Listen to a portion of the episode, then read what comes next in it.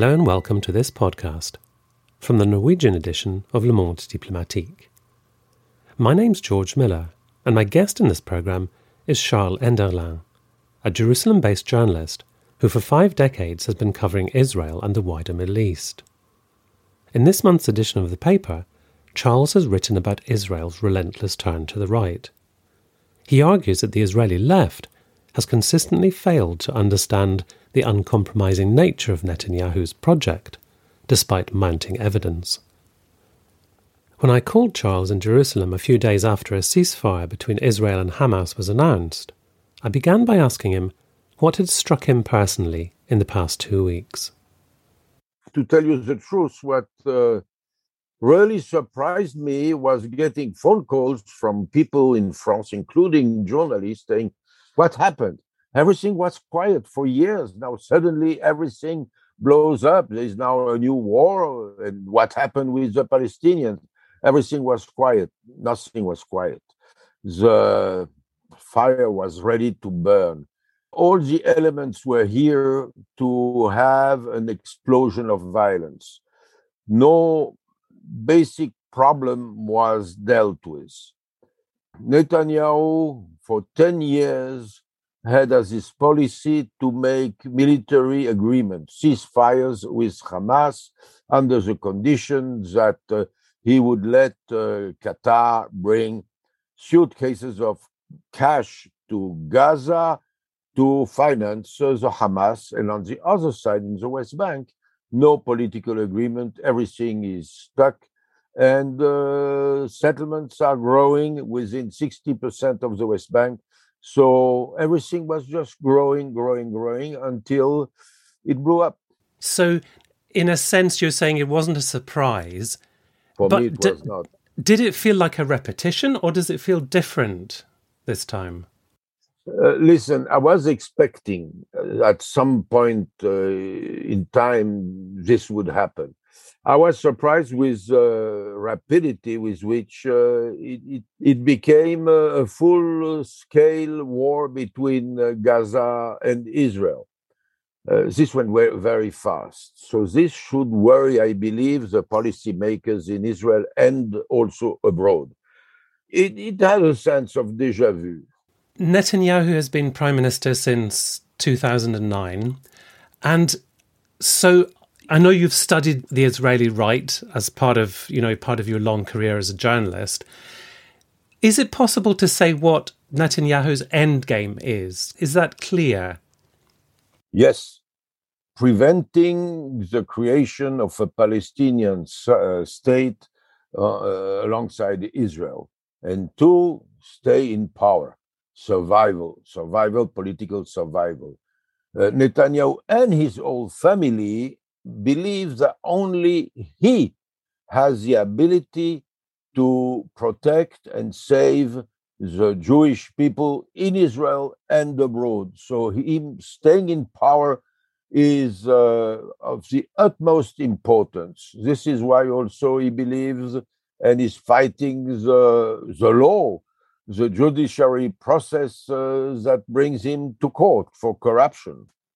And so, how do you read Netanyahu's personal position today after the last the events of the last 10 days and given what you've said about the the legal charges that he's facing and the fact that he hasn't been able to form a government for the fourth time.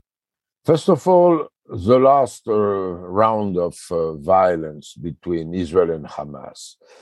For the since he came back to power in 2009 Netanyahu was very cautious not to get into a full scale war, not with Hezbollah in the north, not with Hamas.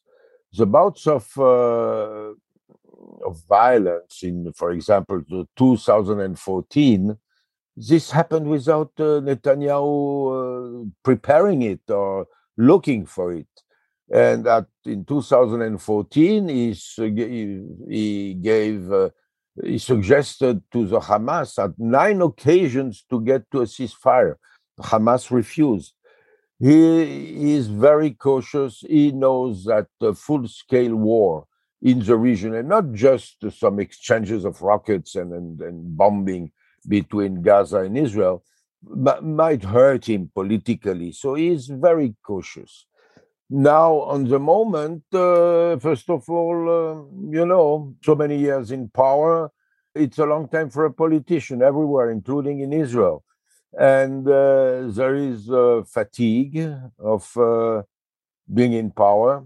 Is uh, he has like Donald Trump a solid basis of around in Knesset it, rem- it represents between 29 and 30 members of Knesset of Parliament, uh, over 120. But uh, he always fought any possibility to have an heir within Likud. He doesn't. Yeah. And many major figures from uh, the Israeli nationalist right, not religious, nationalist right, left the party and went to uh, Gideon Sa'ar, who was within uh, Likud his uh, main opponent. So he's lost uh, support on the right. And uh, you're right, that's a fourth election in which he cannot form a government. He's, he's losing. And uh, the way things look now, it seems that we are going to the fifth election. Now, Charles, in the article you wrote in Le Monde Diplomatique, you say that the Israeli left has sort of failed to understand Netanyahu over a long period of time. And I wondered, why do you think it is? What is it they haven't understood, and why have they not understood what Netanyahu's actually about? I believe there are some, probably some historic roots to it. But about Netanyahu, Netanyahu, the first time he was prime minister in uh, 1996, uh, was quite uh, pragmatic. He went to shake hands with Arafat, uh, continued some process. Uh, at some occasion, he even accepted to withdraw from part of Hebron. Hebron is a, major uh, Jewish city in, in the Bible. So the Israeli left believes that uh, Netanyahu is just uh, uh, a guy who wants to be whatever he, he writes about the ideology is not so important than what he does.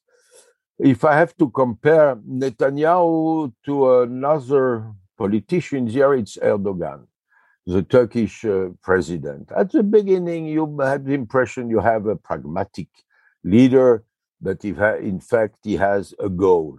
The goal of Netanyahu when he returned to power in 2009 was one whatever happens, to show pragmatism when it is, but to continue to prevent any major crisis. He prevented every major crisis. He did it.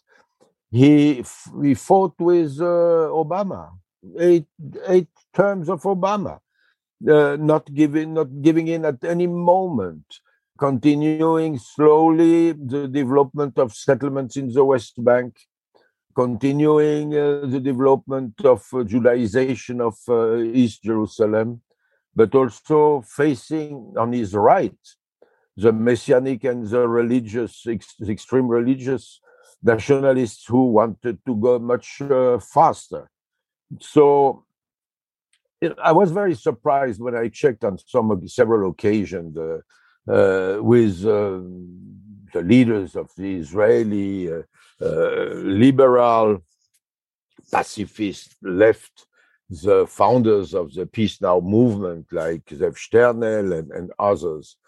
Uh, there was one uh, one evening when we were invited, and I asked all of them. There were about uh, thirty professors of uh, political science, history, and so on, philosophy. Did any one of you read Netanyahu's book? None of them did. It's just you know, it's a pragmatic guy. So this is a problem. But the problem, the problem of the Israeli left also is not understanding the deep belief, the deep beliefs of uh, the messianic movement. You know, Zev Sternhell, great specialist or expert in fascism, said to me, you know, Baruch Goldstein, the Jewish terrorist who killed in 1994 29 Muslims in prayer in, in Hebron.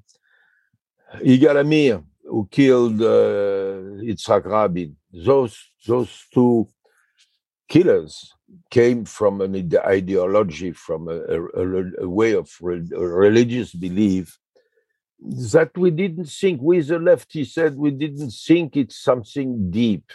We thought it was something like the flu.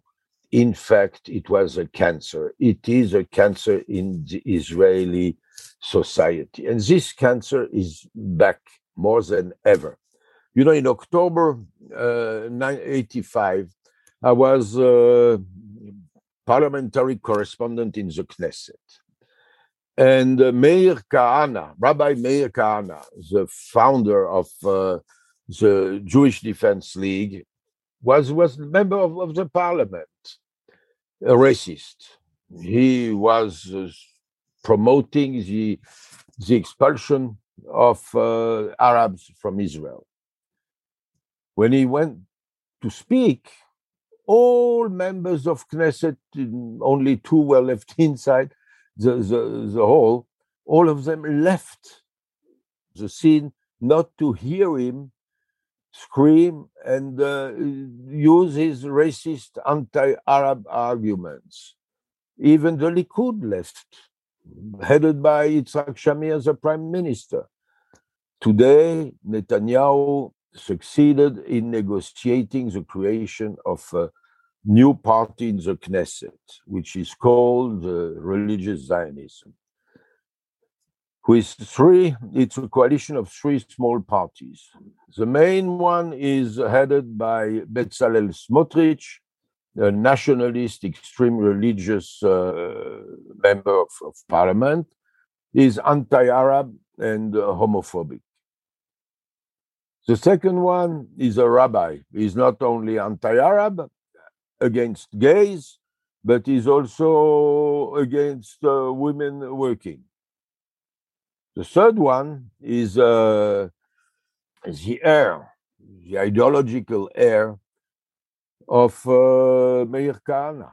This is uh, the, the pure racism. This is uh, Itamar Ben Gvir. So now I'm also an Israeli citizen. I see Meir Kahane coming back to the Knesset with a, a group of uh, extreme racist, anti Arab religious uh, members of parliament. And this, the Israeli Arab population understands that this is something new. We saw Itamar Ben Gvir everywhere there were some clashes. He is uh, the guy who lights the fire everywhere.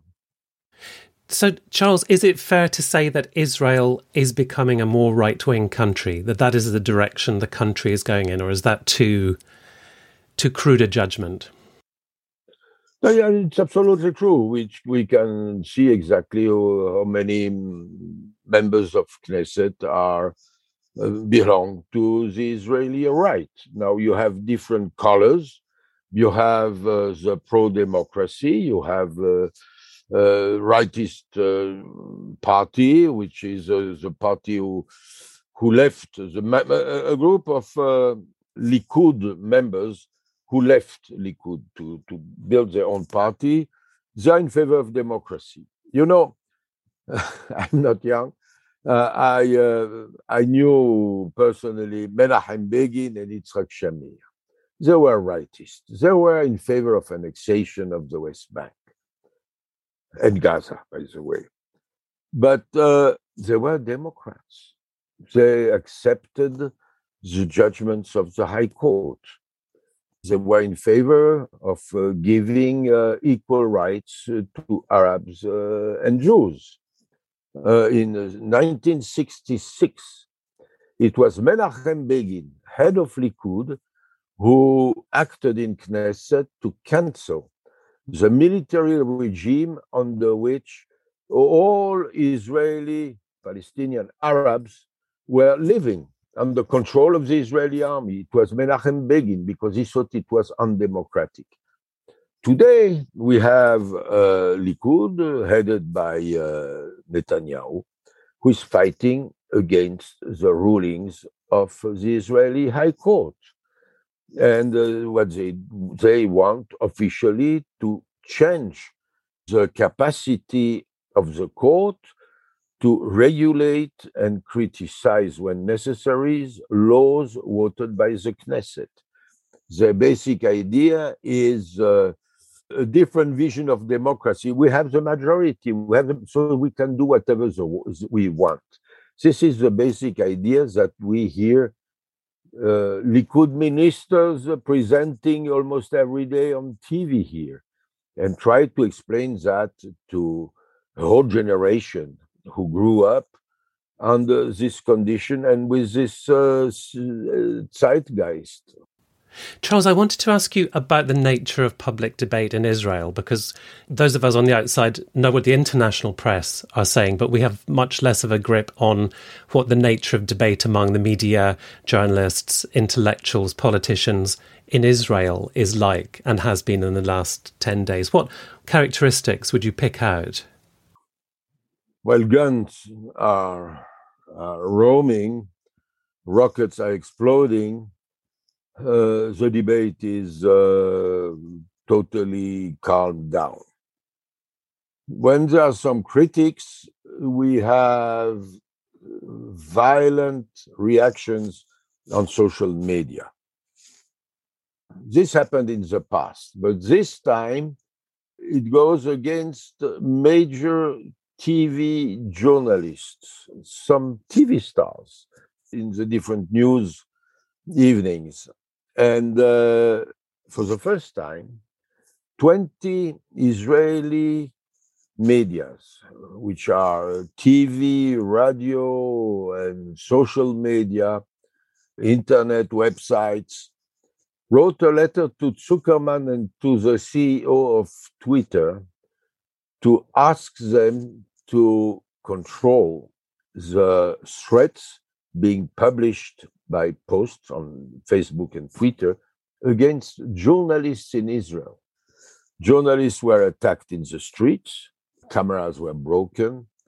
You know, we as uh, foreign journalists uh, during the first intifada, the second intifada, I'm sorry, uh, happened almost every day. We had uh, we were attacked in the street, but the, the general public uh, was was quiet and the, the Israeli media didn't uh, give any interest to what was happening to the foreign press. Now it's happening to them, which is uh, for me a, a, new factor. It's very interesting. I myself had a lot, a lot of fighting with uh, with the Israeli vision and authorities about my my work and and some some story about a kid being killed by uh, Israeli bullets in uh, 2000. But now it, suddenly it happens to the Israeli journalists. The street is quite violent and radical. The last thing I wanted to ask you, Charles, you you spoke at the beginning about not being surprised by the recent violence. We're now in a moment of ceasefire. So what happens from here? Are we in an endless cycle of of repetition? Or is something different about this time?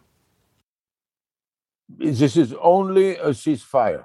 Now, some agreements must be negotiated. First of all, for uh, humanitarian aid uh, in Gaza. Two, uh, reconstructing Gaza.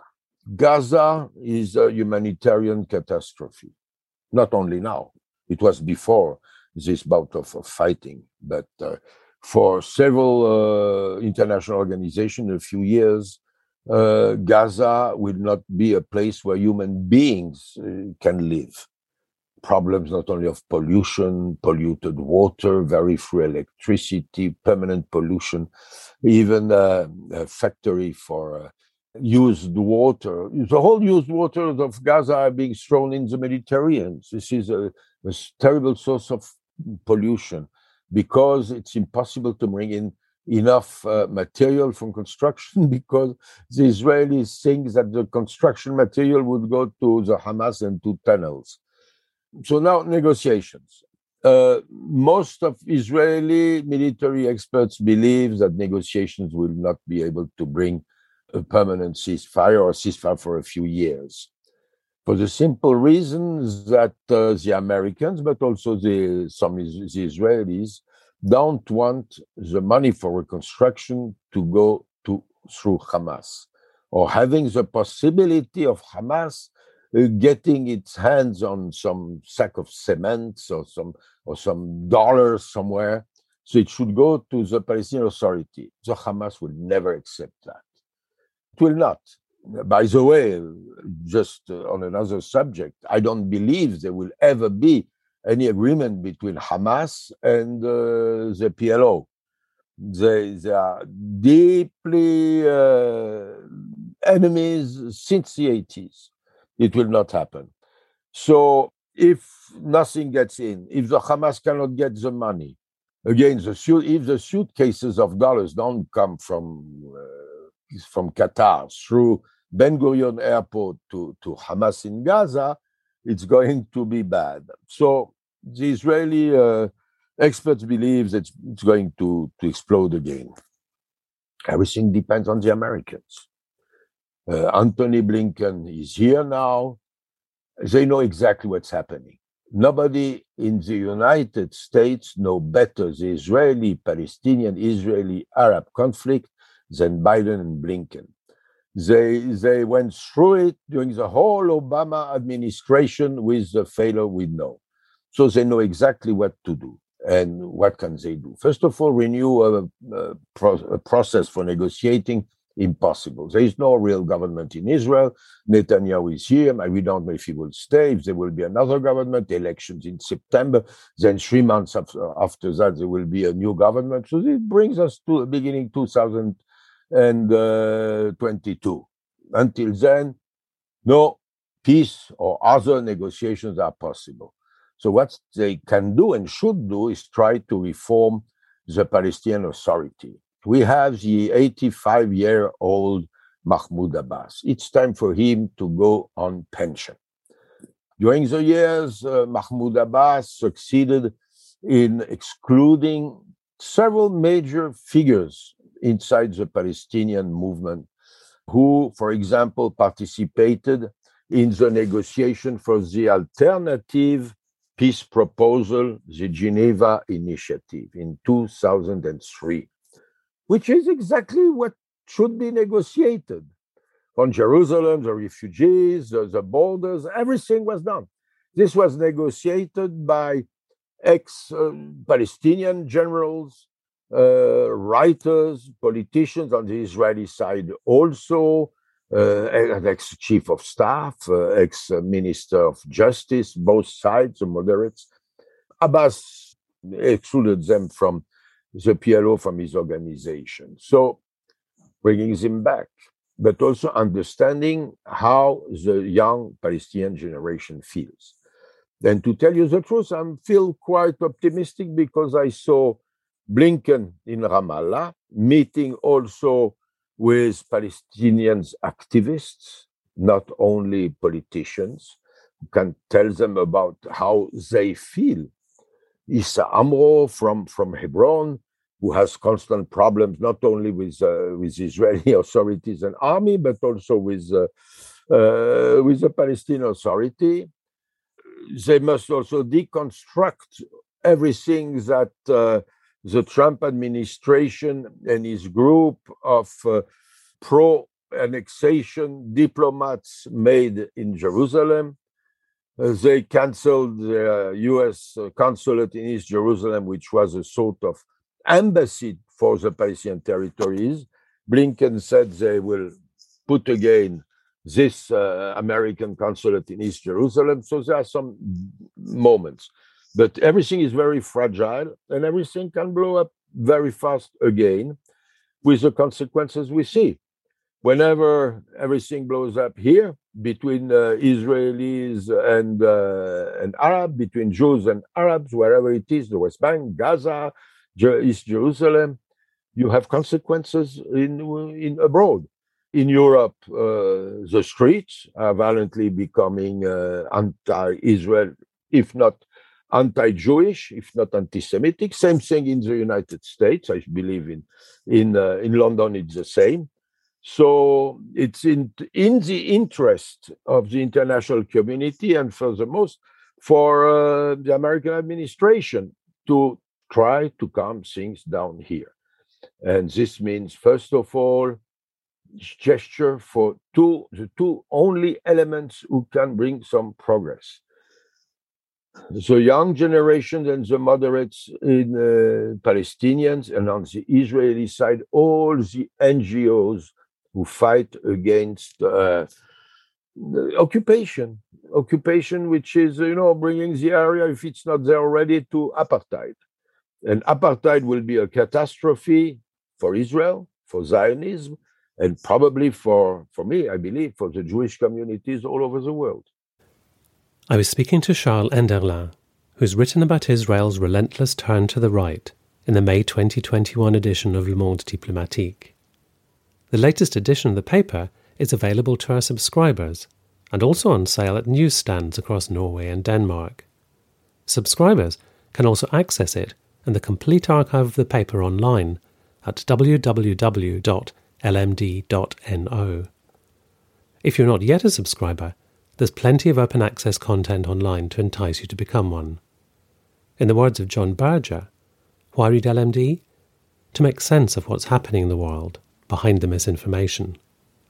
I hope you'll join me again next month for another interview with one of our contributors. Until then, thank you very much for listening, and goodbye.